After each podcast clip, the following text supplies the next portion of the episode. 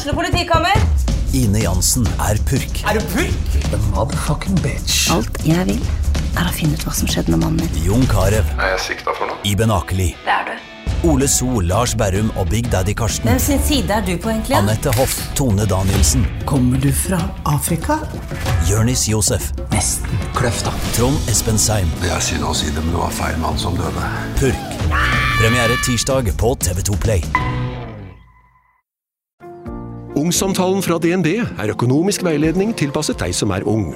Bokk en ungsamtale på dnb.no. slash ung. Det er kjempebra hvis du skal inn på boligmarkedet, hvis det er drømmen din, liksom. Det er det du skulle sagt. Og så kunne du ropt litt mer, da, sånn som jeg gjorde. Bam! Åh,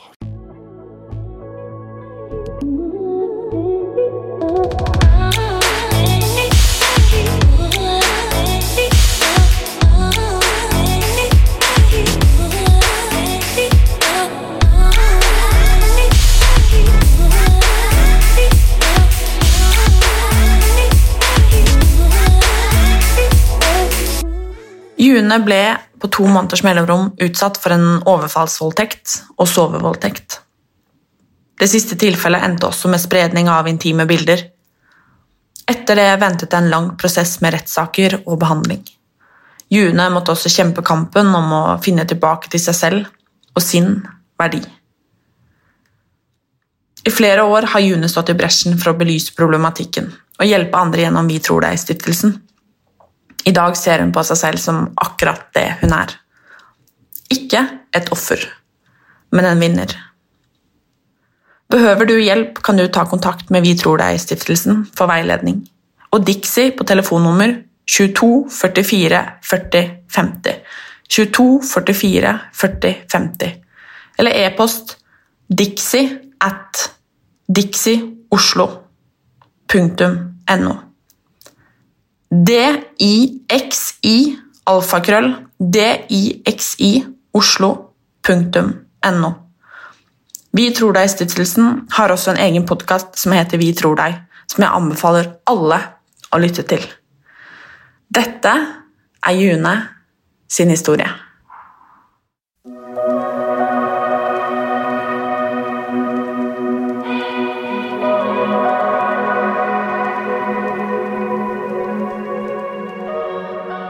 Mitt navn er June Holm.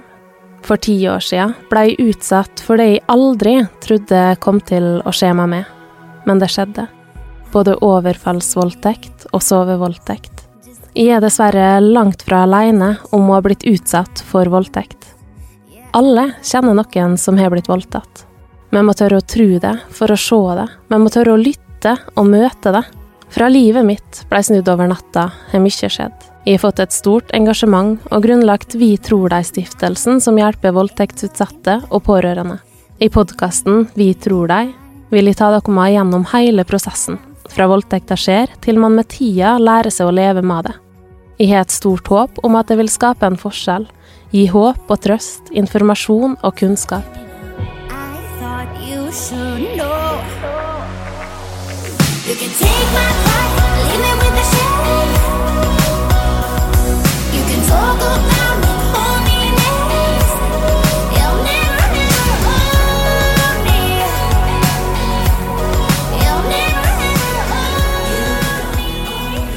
Det jeg enda ikke har fortalt, er min historie.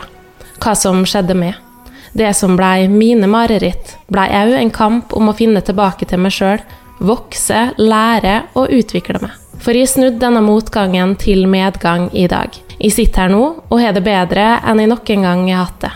Historia mi er så bearbeida at jeg kan velge sjøl om jeg vil gå følelsesmessig inn i det jeg snakker om, eller ikke. Nå skal jeg for første gang på lenge ta meg tilbake til de skjebnesvangre dagene og netten. Og jeg velger å gå inn i det med å åpne opp igjen de såra som var der.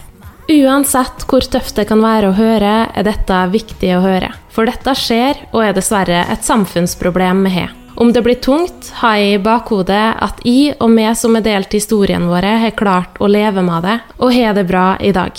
For min del har det føltes som at alt er gått meg imot, men jeg har kjempa og tatt tak jeg aldri trodde at jeg måtte ta. Jeg, du og meg er mye sterkere enn vi tror. Inni oss bor det noen krigere som er klare for å kjempe når vi møter den motgangen ingen av oss fortjener, og ingen av oss burde oppleve. På veien med dette prosjektet har folk spurt meg når skal du dele de historie, June? Nå kommer den. Dette er avslutninga av sesong én av podkasten Vi tror deg. Jeg vil først ta dere tilbake til august 2016. Da holdt jeg for første gang en appell med min historie.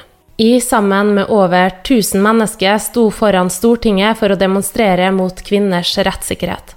Her delte jeg historien min, og her fikk jeg mot til å ta denne kampen videre.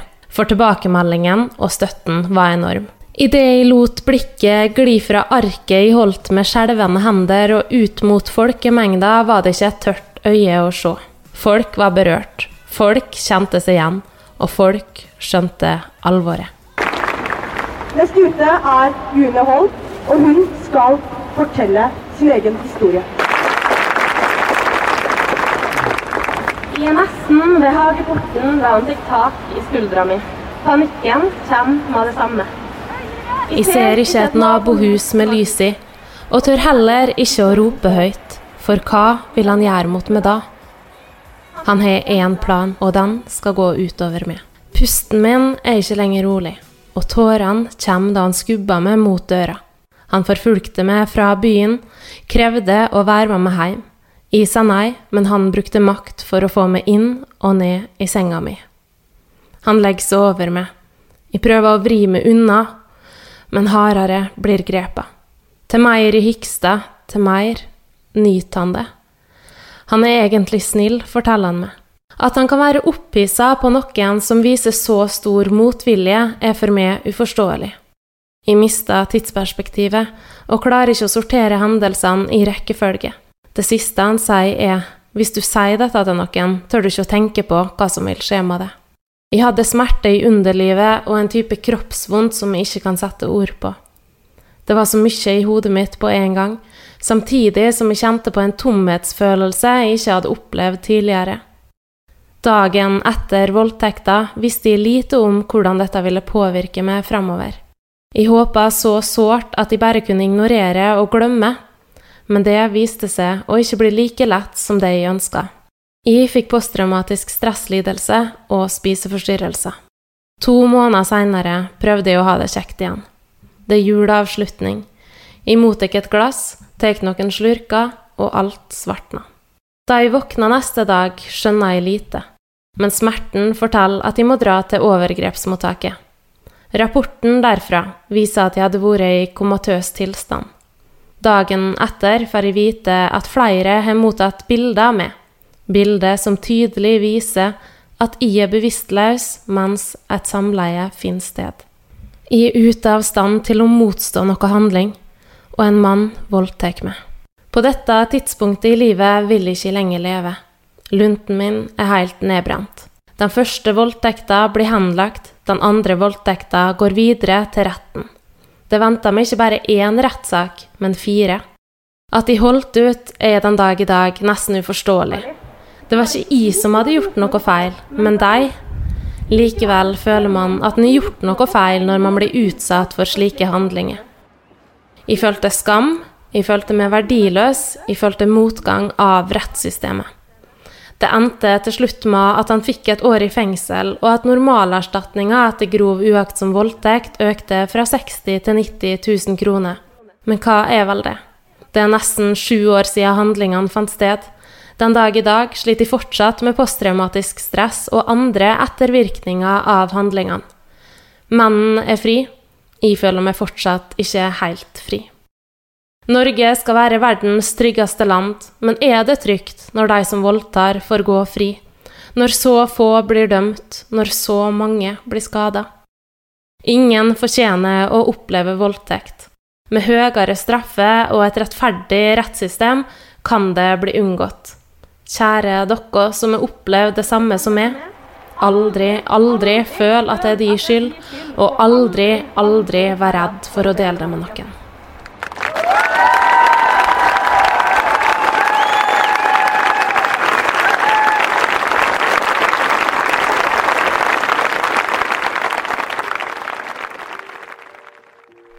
Etter dette starta arbeidet med Vi tror deg-stiftelsen, som står sammen mot voldtekt og seksuelle overgrep.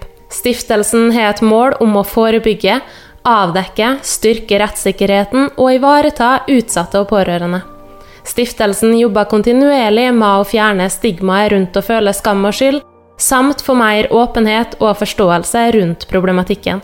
Dette gjennom holdningskampanje, medieaktiviteter og andre prosjekt. Vi tror deg-stiftelsen ønsker at alle skal føle seg sett og hørt. Stiftelsen har et mål om å være med og stå fremst i kampen mot voldtekt. Jeg er blitt invitert til Stortinget flere ganger, her fra da justiskomiteen holdt høring i endring i straffeloven, skjerpa straff ved flere grove integritetskrenkelser og styrka oppreisningsvern ved krenkelser begått av flere i fellesskap. Og hvor ofte får vi ikke høre om strafferabatt her og strafferabatt der? Det gjelder omtrent samtlige av saker som ender med domfellelse. Om gjerningspersonen ikke får straffa den bør, så er det større risiko for at nye offer blir til, og større skader skjer. Dette rammer ikke bare de som er fornærma, men òg familie, og det sprer frykt i samfunnet generelt. Dette rammer så altfor mange, og vi snakker med ofre hver eneste dag. Strafferammen i dag gjør ikke opp for liv som i verste fall går tapt, eller liv som trenger mange, mange år med behandling for at en kanskje skal få det bra igjen. Sjøl sitter vi her flere år seinere og er ikke ferdig behandla. Redselen for å møte overgriper er der konstant, og vi unner ingen å kjenne på angsta og frykta det medfører i hverdagen. Dette kan gi følelse av at det er offeret som blir straffa, og ikke overgriper som slippes ut etter urimelig kort tid. Spesielt i serievoldtekter og gjentagende grov kriminalitet. Det må slås hardere ned på. Etter den første voldtekta hadde jeg ikke trodd at jeg noen gang kom til å fortelle noen om hva som skjedde med meg. I hvert fall ikke offentlig. Men så skjønte jeg at hemmeligheten i bar, var for vondt å bære alene. Spesielt etter ryktet og bildespredninga følte jeg at jeg mista fullstendig kontroll over meg og mitt. Jeg måtte ta tilbake noe av denne kontrollen. Jeg opplevde at få turte å spørre og snakke med meg om hva det var som hadde skjedd, men at mange snakka, fantaserte og laga seg egne sannheter. Det var som at de var blitt et objekt og ikke et menneske med egne følelser og ei egen stemme. Da jeg ble utsatt, skrev jeg en av Norges mest leste blogger. Her skrev jeg orda. Jeg er et voldtektsoffer. Jeg hadde ikke brukt de samme orda i dag, men sånn følte jeg det da. Innlegget fikk massiv respons, både på godt og vondt. Kort tid seinere blei det flere medieoppslag. Ansiktet mitt var på forsida av VG og andre aviser. Jeg valgte å gå offentlig ut, sjøl om jeg egentlig ikke var klar for det da. I 2016 var jeg klar. Nå følte jeg på hele meg at dette var riktig. En kan jo frykte at en offentliggjøring av noe så sårt og privat kan ødelegge for noe i framtida, men jeg var sikker. Det var et brennende engasjement, og det var et stort ønske om å hjelpe andre. Jeg har fått høre at jeg er hore. Jeg har fått høre at jeg er voldtektskjerring. Jeg har fått høre at jeg ba om det som skjedde med meg. Jeg har fått høre at jeg er oppmerksomhetssjuk som snakker om dette. Jeg har også fått høre at hvis jeg hadde blitt utsatt for voldtekt, har jeg aldri turt å si det høyt. Jeg tenker at det sa masse mer om de personene som slenger etter seg sånne kommentarer, enn jeg som velger å bruke stemma mi for å hjelpe andre å belyse problematikken. Her er et innslag fra NRK Nyheter i forbindelse med at flere oppsøker overgrepsmottak. Kåret til årets romsdaling. Hun har snakket åpent om sin voldtektshistorie. Nå hjelper bloggeren andre i samme situasjon. Etter metoo så har det vært lettere å ta kontakt, fordi at eh, du kan bare si to ord, og så forstår vi, og, og kan åpne dialogen med det. da. Holm håper at enda flere ofre tør søke hjelp i 2018.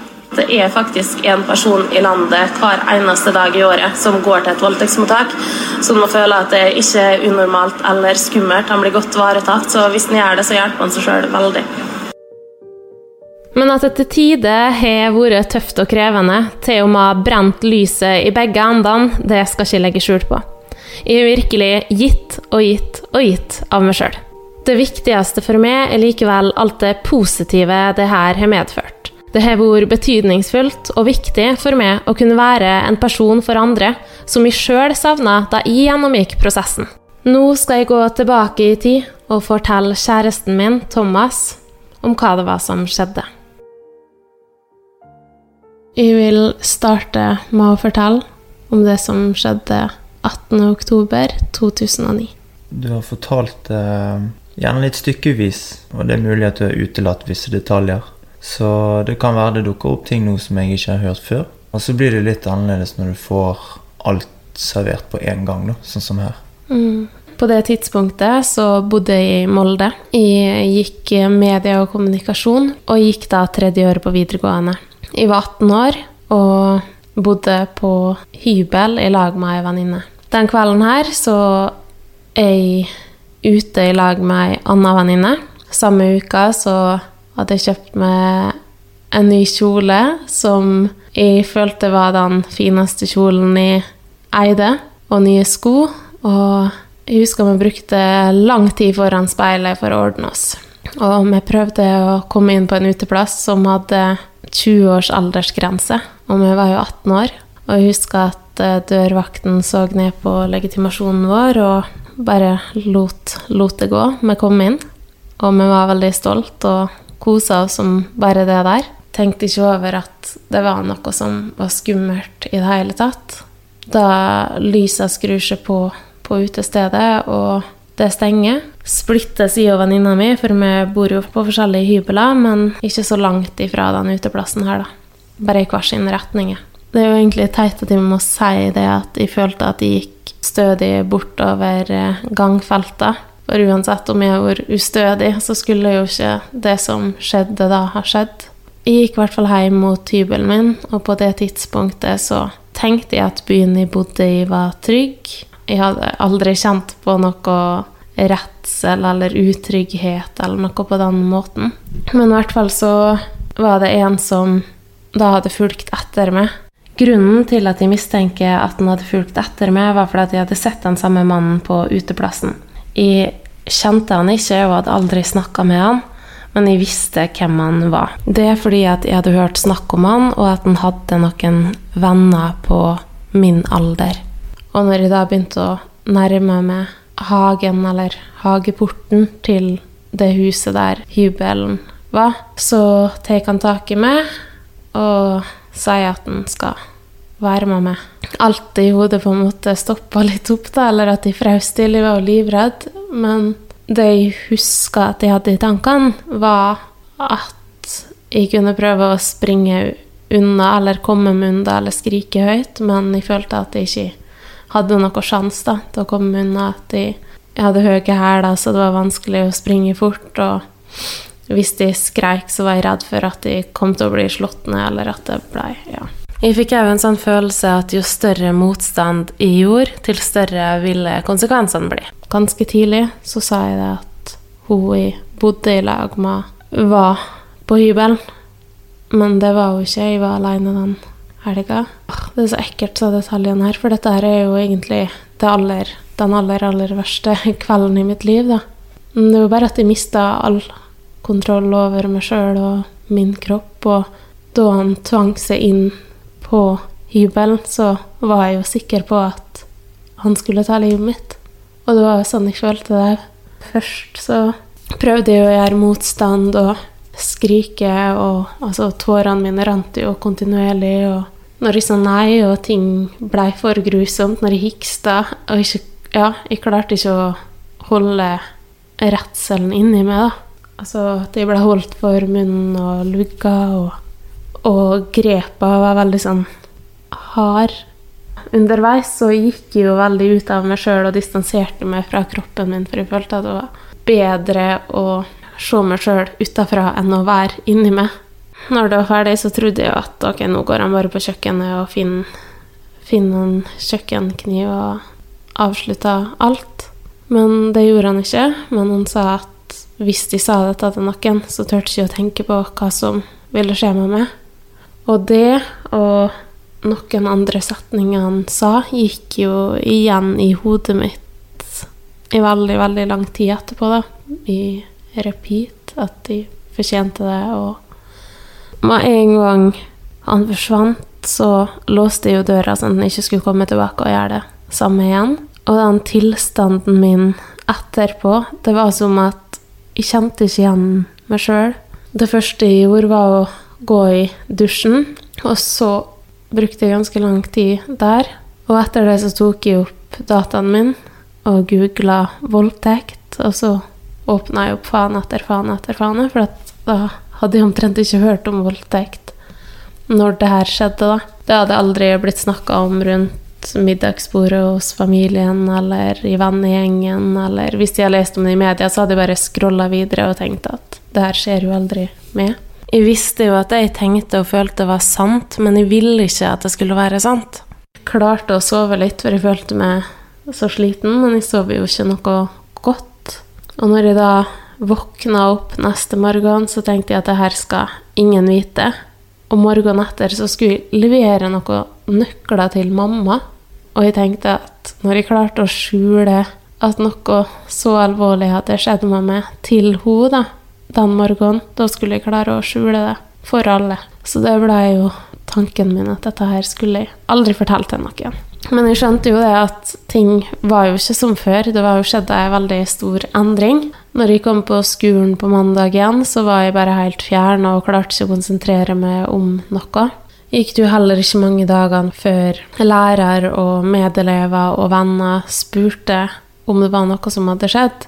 Jeg klarte jo å komme med unnskyldninger. og For hver dag som gikk, så følte jeg jo at det bare blei verre og verre, og at jeg så at det blei vanskelig å holde dette her for meg sjøl.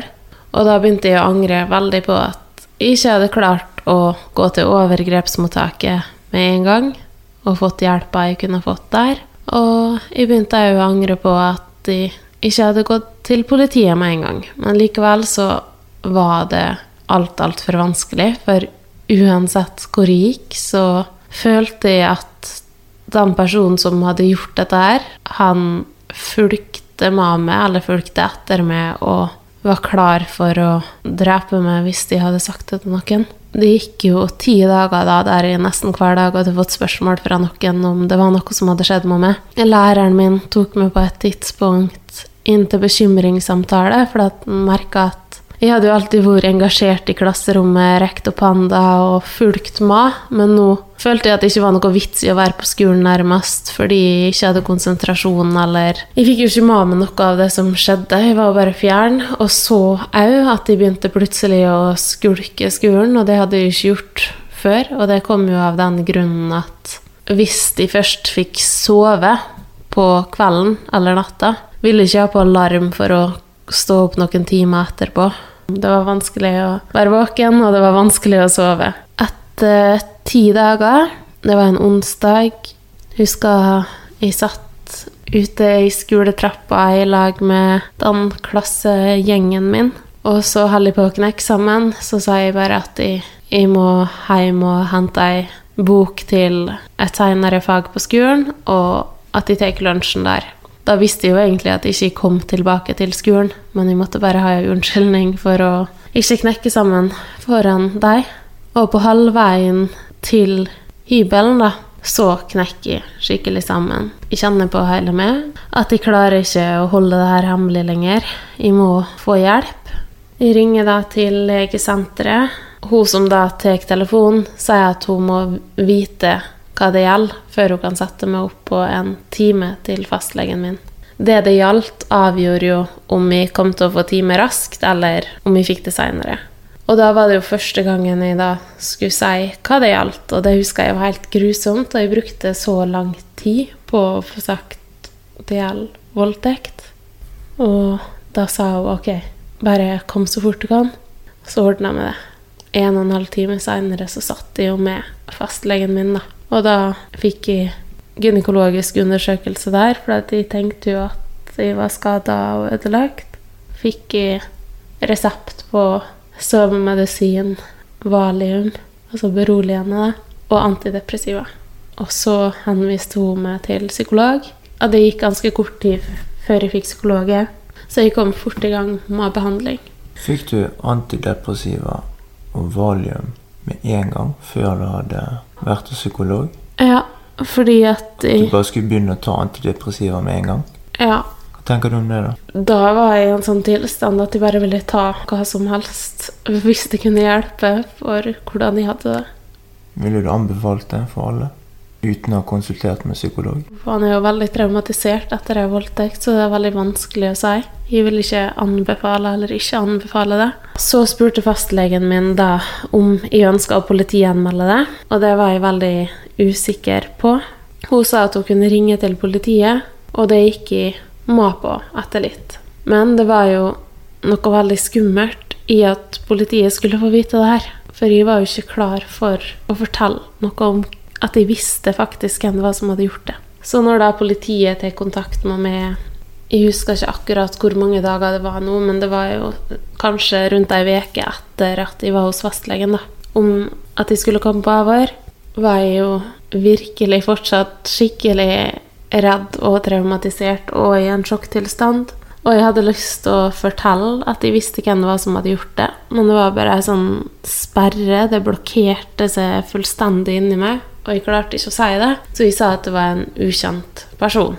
Og det gjorde jeg da for å beskytte meg sjøl, for det var rett og slett for skummelt at noen skulle få vite hvem det var som hadde gjort det, for jeg var så sikker på at hvis han hadde blitt kalt inn på et avhør, da, så var jeg sikker på at da kom han til å benytte første anledning til å ta livet mitt. Det så jeg for meg. Jeg får jo tett oppfølging hos psykolog fremover, og jeg får òg utskrevet en voldsalarm fra politiet som blir en trygghet. Jeg går på medisin, og jeg har da klart å fortelle det til foreldrene mine og noen venner. Til flere jeg klarte å åpne meg opp og fortelle det til, så følte jeg at det glassburet jeg befant meg i, slo sprekk i seg. Jeg følte at det ble lettere å bære etter hvert som jeg fikk delt det med noen, for det var så enormt tungt å bære det alene da. Og det krevde så mye. Jeg brukte å si at jeg savna den gamle June, for jeg følte at jeg ble en helt annen versjon av meg sjøl etter det her skjedde. Alt det som hadde vært vanskelig tidligere, det var bare bagateller i forhold til sånn jeg hadde det etter voldtekta. Jeg hadde ikke nok trygghet rundt meg til at jeg følte at jeg kunne klare å, å fortelle hvem det var som gjorde det. Og jeg hadde òg altfor lite forståelse og kunnskap om voldtekt. For jeg, ja, det føltes jo for meg som at jeg var den eneste i verden som hadde opplevd det da, selv om jeg visste at det ikke var tilfellet. Men det var jo ingenting jeg kunne relatere meg til, eller noen jeg kunne snakke med som hadde opplevd det samme. Hverdagen min er jo langt ifra lett. Den er jo helt grusom.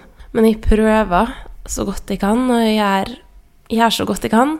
Og så går det to måneder. Men hva skjer på de to månedene? Gikk du bare til psykolog? Det var ikke noe mer med politiet? Jo, saken ble jo etterforska hos politiet, og jeg var inne til flere avhør og gikk til psykolog, ja, hadde vært på møte med bistandsadvokat og Ja, det var jo noe som skjedde. Jeg klarte jo ikke å være på den hybelen omtrent, altså å være på rommet mitt der. Det var helt grusomt. De klar, altså, det var som at alt kom tilbake til meg hver gang jeg gikk inn på det rommet, da. Det soverommet mitt. Jeg laga jo til seng i stua, da.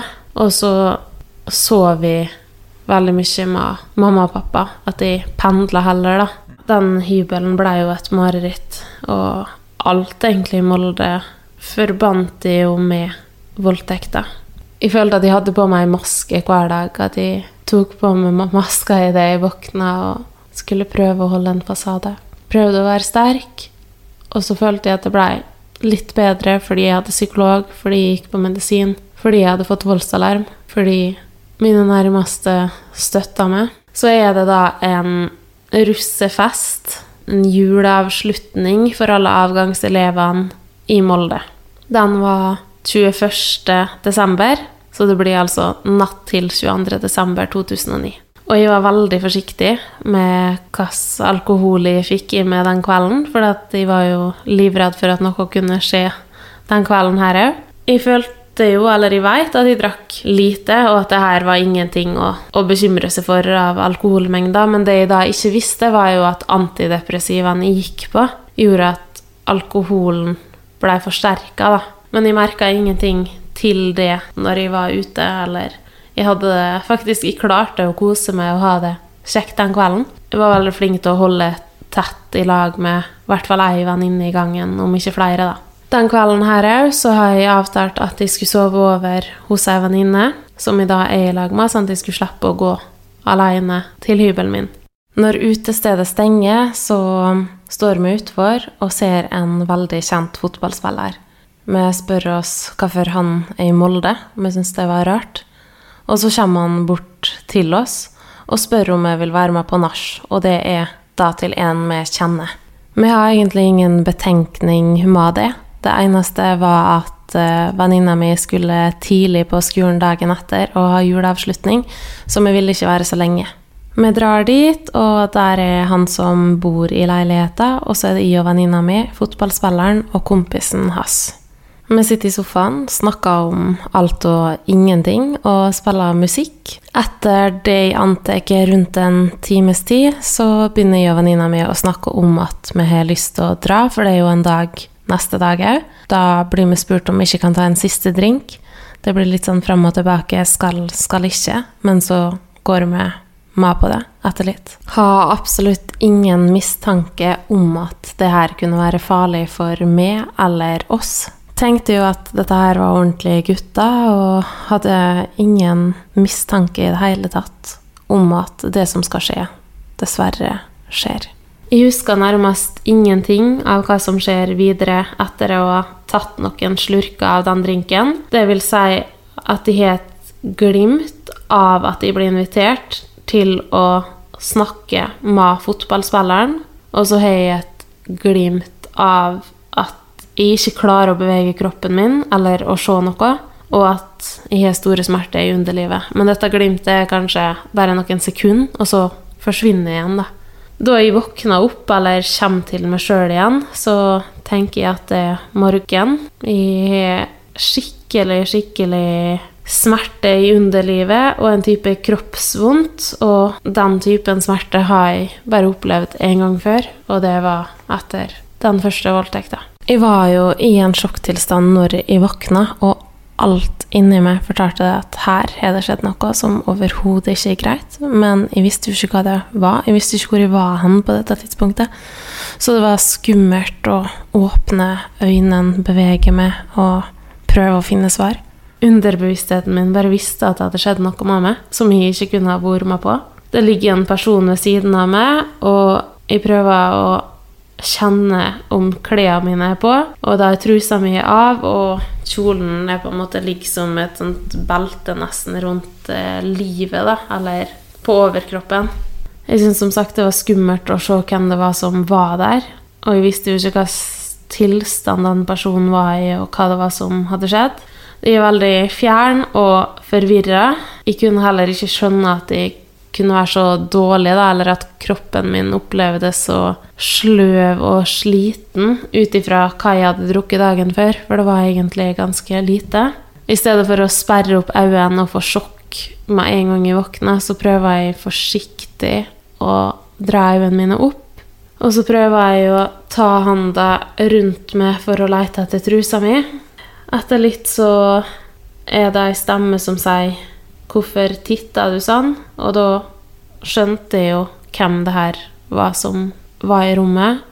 Jeg hadde jo egentlig lyst til å rope og skrike høyt 'Hva faen er det du eller dere har gjort med meg?' Men jeg klarte ikke å svare noe som helst. Men det var i hvert fall han som, han som bodde i den leiligheta, da, som lå ved siden av meg. Han røser seg etter hvert opp og går ut eller på do, og da går jeg da ut derifra så fort jeg kan. Jakka mi henger jo i gangen med telefonen min og voldsalarmen i lomma der. Og jeg har fått flere ubesvart anrop fra hun venninna mi som i dag var med, og det var jo første tanken min er hvor er hun, hva har skjedd med hun? Hun kunne da fortelle at det siste hun hadde sett av meg, var at jeg lå sovende i sofaen, og hun blei ført i etasjen under. Jeg veit at jeg skal på overgrepsmottaket, men jeg er så sliten at jeg føler ikke at jeg klarer å ta den korte turen til overgrepsmottaket med en gang, så jeg venta litt. Men det går noen timer, og så klarer jeg å fare dit. Og hadde det ikke vært for den første voldtekta, hadde jeg ikke visst at det var et overgrepsmottak i byen. Men det var som at det første overgrepet da lærte meg hva jeg måtte gjøre etter en voldtekt. Og jeg hadde òg klandra meg sjøl i nesten to måneder for alt jeg gjorde feil den første gangen det skjedde. Jeg husker egentlig veldig lite av hva som skjedde på overgrepsmottaket. Jeg husker at mamma ringte meg, og at de var veldig stille, og så sier hun bare Nei, June, det har ikke skjedd igjen. Og da rant jo tårene over. Så sa jeg jo at det hadde skjedd igjen. Jeg trodde det. Og det sa jeg jo òg til de som jobba på sykehuset eller overgrepsmottaket, da, at jeg visste ikke om jeg hadde blitt utsatt, men jeg trodde det. Hvis det viste seg at det hadde skjedd, da, så ville jeg at jeg skulle ta alle testene i tilfelle.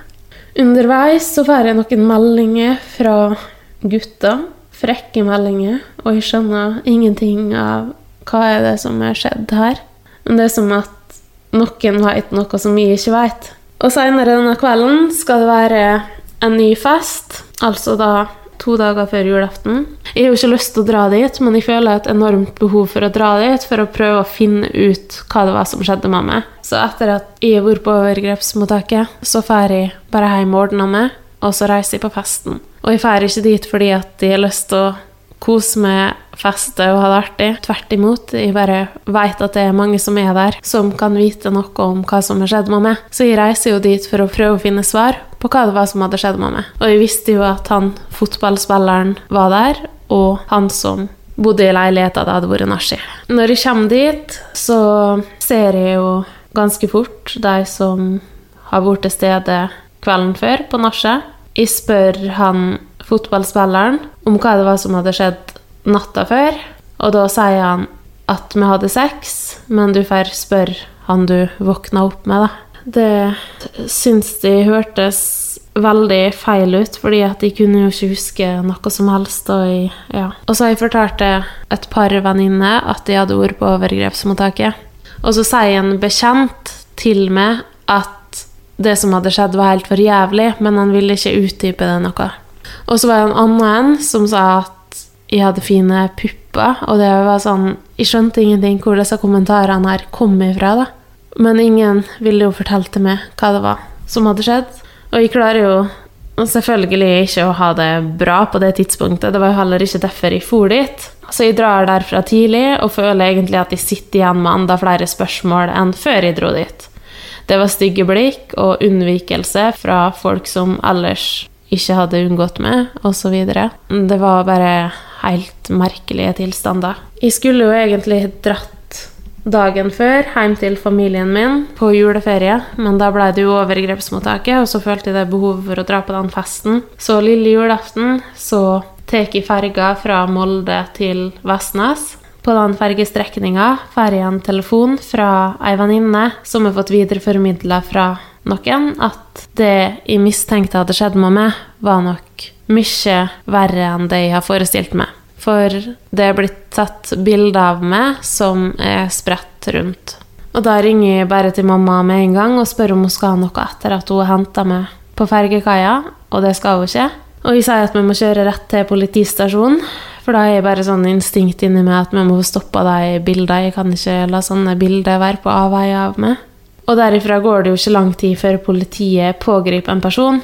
Han som da nachet var hos, og han som bodde i leiligheta jeg våkna i morgen før. Da var bilder sletta fra mobilen, men politiet beslagla telefonen, og noen dager seinere så klarte de å gjenopprette de bildene. Og da var det da flere bilder som viste at klærne ble dratt av. De viser at ei voldtekt skjer, og på absolutt alle bilder så er øynene mine lukka, da, og hodet mitt er ikke flytta en millimeter fra puta, så det er jo ingenting som tilsier at jeg kunne være med på det her. Politiet velger da å gå videre med etterforskninga av den saken her.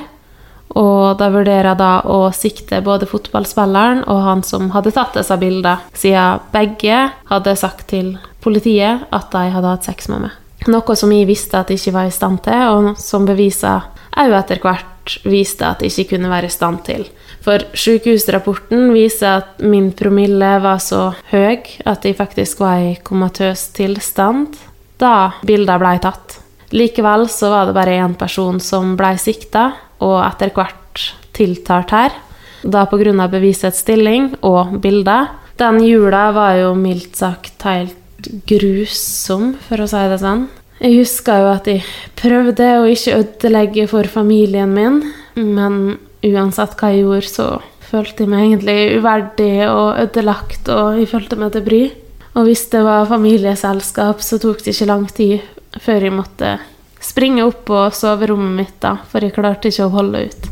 Jeg bytta òg skole i den juleferien. Jeg flytta fra Molde til Ålesund, for jeg tenker at hvis det skal være noe sjanse for å fullføre videregående, så må jeg i hvert fall komme til en annen by og annen skole, for jeg ville ikke gå på en skole og være i en by der mange hadde sett eh, bilder som du absolutt ikke ønska skal gå rundt av det. I tillegg så ble det jo ganske fort ryktespredning, så jeg ønska på en måte å føle at jeg kunne få en litt ny start der kanskje ikke alle visste hvem jeg var. Men heldigvis så ble jeg veldig, veldig godt mottatt i både klassen og i Ålesund. Men jeg hadde det jo overhodet ikke bra. Jeg var jo veldig prega. Jeg følte meg veldig likegyldig til veldig mye. Og jeg fikk et veldig destruktivt handlingsmønster som ikke var bra for meg. Blant annet i russetida, f.eks.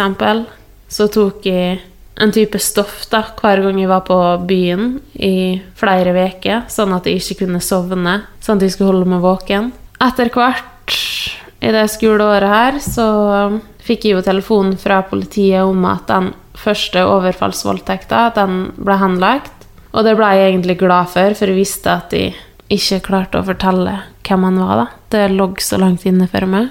På et tidspunkt så fikk jeg òg høre fra ei venninne at hun hadde blitt forsøkt voldtatt av denne personen.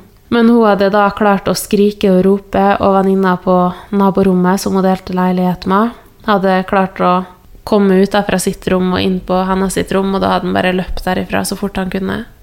Han som voldtok deg først? Han som gjorde det med meg, så dette her var et forsøk, da. Men likevel så klarte ikke jeg å si til henne at det var samme person det handla om. I hvert fall den tida her er jo egentlig på vei til å ta knekken på meg, føler jeg. Jeg føler egentlig at jeg står på kanten av stupet, og jeg tenker at det er riktig å bare avslutte alt, for å være helt ærlig. Men på slutten av videregående så får jeg med kjæreste, og det blir jo kanskje ei redning for meg. For da begynte det å gå litt framover igjen, sjøl om veldig mye fortsatt var tøft. da. Og det fikk meg til å tenke at jeg måtte skjerpe meg, at jeg kunne ikke fortsette sånn som jeg gjorde. Så det blei jo på en måte et vendepunkt. Jeg fullførte videregående, tok opp igjen et par fag et halvår etter at jeg var ferdig. Jeg sleit jo veldig mye med konsentrasjon og sånn på den tida. og det var nok å overleve om jeg ikke skulle bruke masse tid på skole. Ti måneder etter sovevoldtekten og den prosessen der, så starta rettssaken. Det blir ikke bare én runde, det blir ikke bare to runder, heller ikke tre, men fire. Og det fortsetter da fra 2010 og helt ut i 2012. Det var i tingretten, lagmannsretten, meddomsrett og høyesterett. Det hele endte da med ett år i fengsel og 100 000 i oppreisningserstatning. Han føler jo selvfølgelig at det er ingenting når han veit hvor mye det koster for han sjøl, da. Jeg skulle mye heller ha sittet et år i fengsel enn å ha gått gjennom alle åra jeg veit jeg har slitt som følge av det. Rett før eh, rettssaken starta i 2010, så kom jeg meg òg inn på høgskole. Tenkte at hvis jeg skal ta en bachelor, så må jeg ta noe som kan være terapeutisk for meg og til hjelp for meg. Og jeg hadde brukt veldig mye skriving, og det huska jeg òg at jeg hadde som en sånn motivasjon ganske umiddelbart etter overfallsvoldtekta. Og det samme tenkte jeg jo da etter sovevoldtekten, at en dag så må jeg skrive bok om det her. Det ble en sånn motivasjon at en dag skulle jeg kunne bruke den dritten jeg gikk gjennom da, til å kunne hjelpe noen andre. Så derfor var det jo òg da at jeg ønska å gå tekstforfatter, fordi at jeg følte at det ikke bare var ei utdanning, men det blei òg terapi for meg. Og det var tøft, og jeg husker til tider så gikk jeg jo egentlig lange, lange tider, om ikke år, og bare tenkte at nå må jeg slutte. Og så var det jo òg det at jeg klarte aldri å finne min plass, da i et skolemiljø. Sikkert gjerne fordi at jeg var veldig sårbar på det tidspunktet. Usikker, redd Altså veldig, veldig lite sjøltillit. Men jeg klarte heldigvis å fullføre de tre åra og fikk da ei bachelorutdanning. Når jeg flytta til Oslo, så følte jeg meg egentlig veldig ferdig med alt som hadde vært så altoppslukende og satt hele livet mitt på vent. Så jeg slutta hos psykolog og ville bare glemme alt og prøve å tenke på andre ting. Jeg veit nå det at jeg egentlig ikke var helt ferdig da, i den behandlingsprosessen, og at det ikke var sunt at jeg avslutta psykologbehandlinga. Så da når jeg er ferdig med bacheloren og begynner å jobbe, så kommer jeg inn i et mønster der jeg egentlig bare flykter fra tanker og følelser, fra realiteten, da. Jeg gjør alt mulig for å ikke kjenne på hvordan jeg egentlig har det.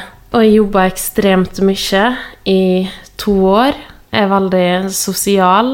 Jeg gjør alt jeg kan egentlig for å ikke være aleine, da. Det siste jeg var god på, var jo å ta vare på meg sjøl og se meg sjøl. Jeg kunne liksom ikke huske sist gang jeg hadde hatt en alenedag eller kveld alene, eller sist gang jeg satt i sofaen og bare slappa av. Jeg kunne ikke huske det. Det var liksom alltid høygir og følte jeg var en Duracell-kanin. Og sånn holdt jeg jo på da i to år.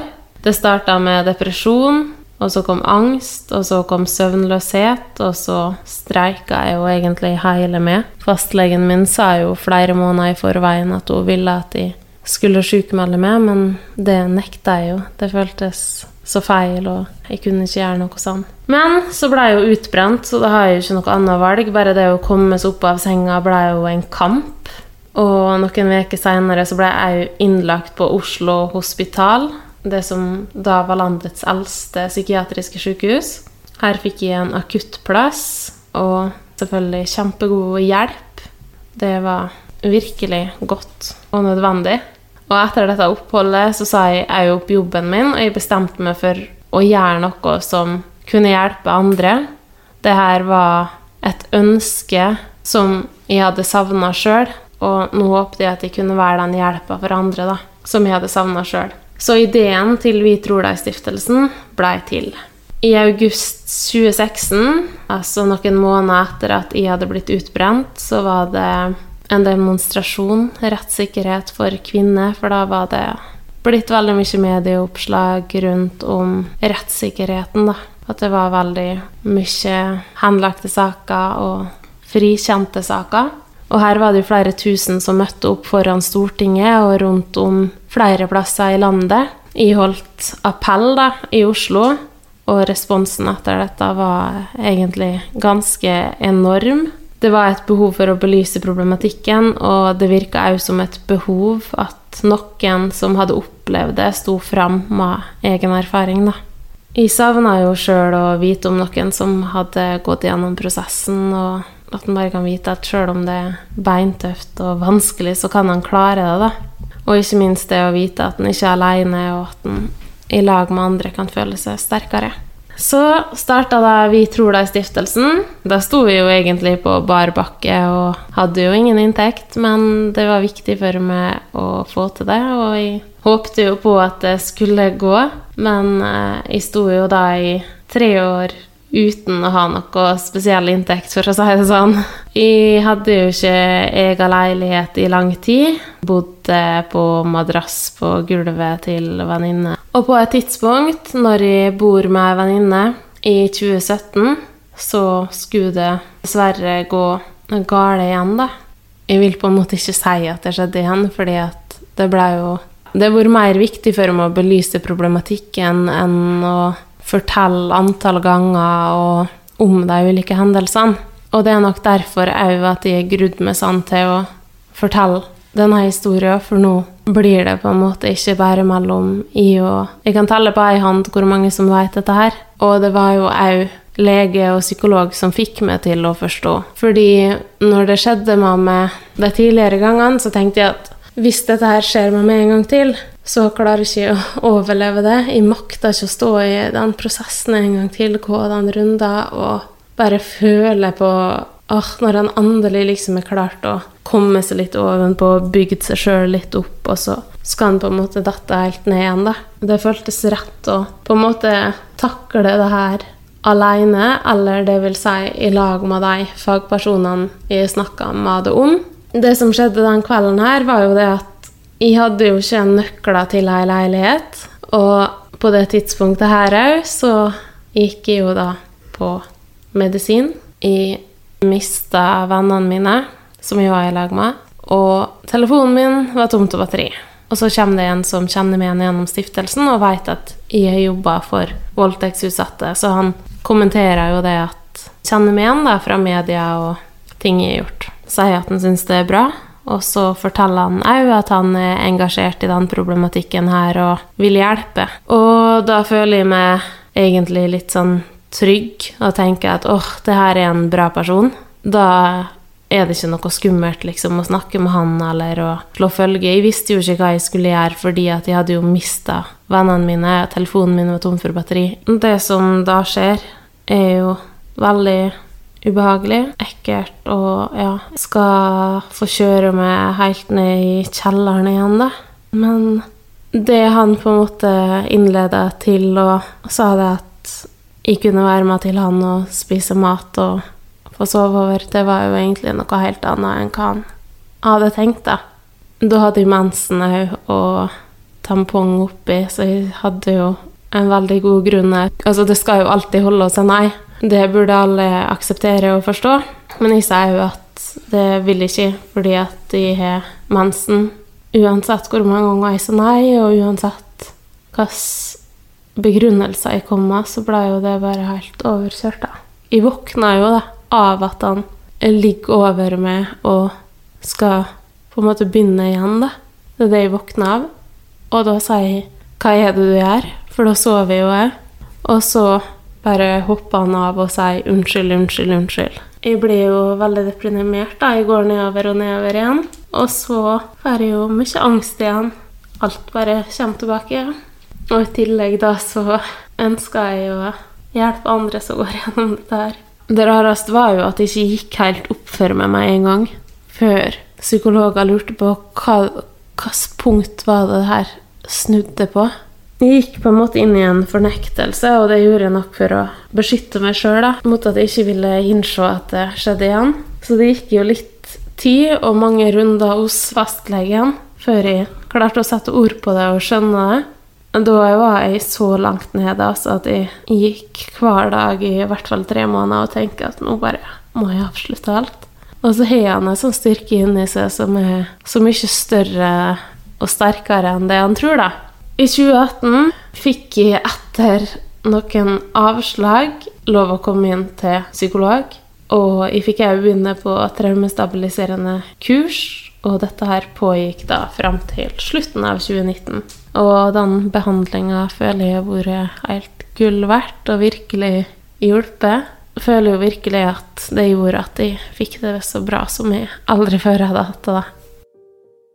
Den siste episoden velger jeg å ikke definere som voldtekt eller ikke, men det var sex uten samtykke og en pressa situasjon som kan oppleves som voldtekt selv om det ikke var vold i bildet eller at det skjedde i søvn.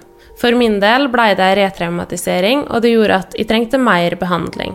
I Norge har vi ingen samtykkelov, så juridisk er ikke dette en voldtekt. Jeg syns alle som føler at slike tilfeller er voldtekt, skal få lov å føle det og si det. Nå har jeg nå fortalt ganske mye. Hvordan er det for deg da, Thomas, å sitte og høre på dette? Vanvittig vondt. Og jeg kjenner på så mange følelser samtidig. Jeg er lei meg, jeg er sint, jeg er frustrert. Jeg får vondt. Og det å skulle oppleve noe så forferdelig én gang i løpet av et liv, er jo Det er jo ille nok i seg sjøl, men å måtte gå igjennom det tre ganger Jeg er helt målløs. Det er forbi fatteevne å skulle ha så uflaks. Ja, for Men- det, det er jo uflaks, føler jeg. Jeg føler liksom ikke at jeg Når jeg ser tilbake, så kunne jeg på en måte ikke gjort noe annerledes heller, føler jeg. Det er jo aldri din feil når du blir utsatt. Det er så viktig å få fram. Sjøl om jeg nå forteller noe som er vanskelig, så betyr jo ikke det at jeg har det vanskelig i dag, for det er jo selvfølgelig tungt å gå tilbake i tid og snakke om det. Tørka tårene og syns det her er tungt å fortelle nå. Det er jo spesielt tungt fordi at jeg sitter i lag med det, da, og jeg aldri fortalt det så detaljert til det heller. Så er jo ikke dette her noe som i dag kommer og hjemsøker meg. Jeg klarer å ha et veldig godt liv og ha det bra. Men at de kan bruke den bagasjen de har fått, til å hjelpe andre, det har jo blitt til hjelp for meg. Det har det jo. Noe av det som imponerer meg mest, er den styrken du viser til tross for det du har vært igjennom. Etter alt det tunge du har vært igjennom, eh, som kan ta knekken på hver og en, så hjelper du ikke bare deg sjøl med å få et bedre liv, eller å takle det på en bedre måte. Du hjelper samtidig også andre. Og dette holdt du på med samtidig som du gikk til psykolog og var deprimert. Mm. Ja, det er helt vanvittig. Ja. Jeg er så imponert. Takk. Blir rørt ennå. Jeg blir rørt sjøl, jeg. Jeg tror jo veldig mange som går gjennom Eller jeg vet det, at mange som går gjennom det, syns jo at det kan være veldig skummelt, og at de ikke er klar for å innlede en relasjon til noen. Og det var jo òg grunnen til at jeg ville fortelle det til det første gangen jeg møtte deg. da. Eller jeg måtte fortelle det med en gang for å se hvordan du tok det.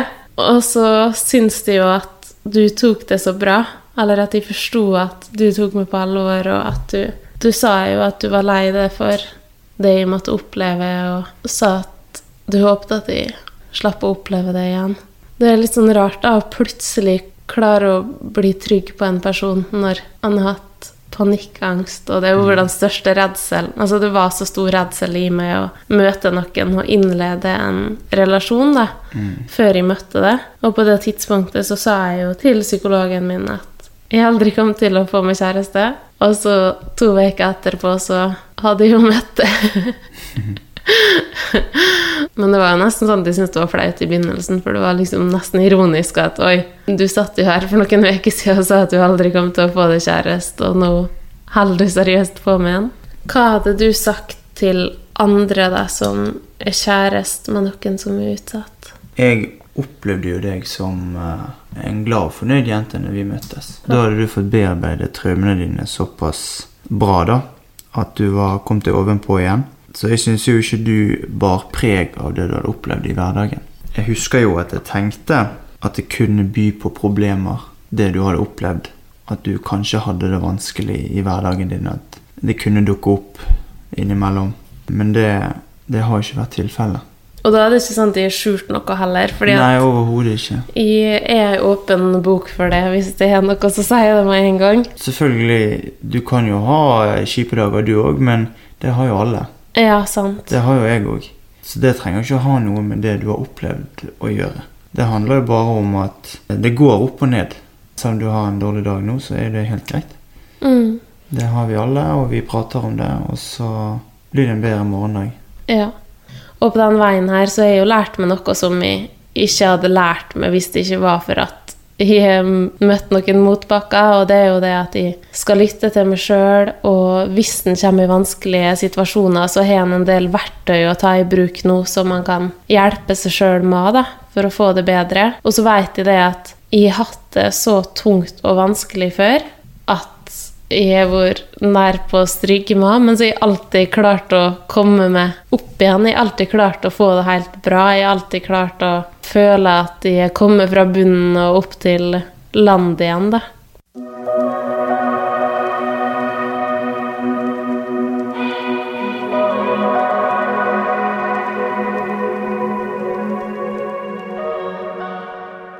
I over tre måneder har det nå blitt lansert én episode i veka. 15 episoder som rører meg, gjør meg stolt, og som jeg vet har vært til stor hjelp.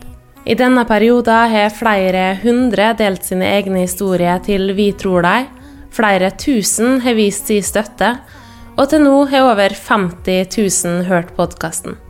Podkasten har medført at mange har oppsøkt hjelp, og at mange har klart å anmelde. Tusen takk for at du har fulgt Vi tror deg på denne reisa, og vi håper at du vil være med på fortsettelsen. Dette er siste episode av sesong én av podkasten, og det er ønsket om en sesong to.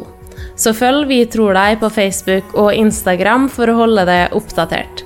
Hjemmesida er vitrordeg.com. Tusen takk til alle som har bidratt med sine historier, og tusen takk til Stiftelsen DAM og Rådet for psykisk helse for muligheten til å realisere dette prosjektet.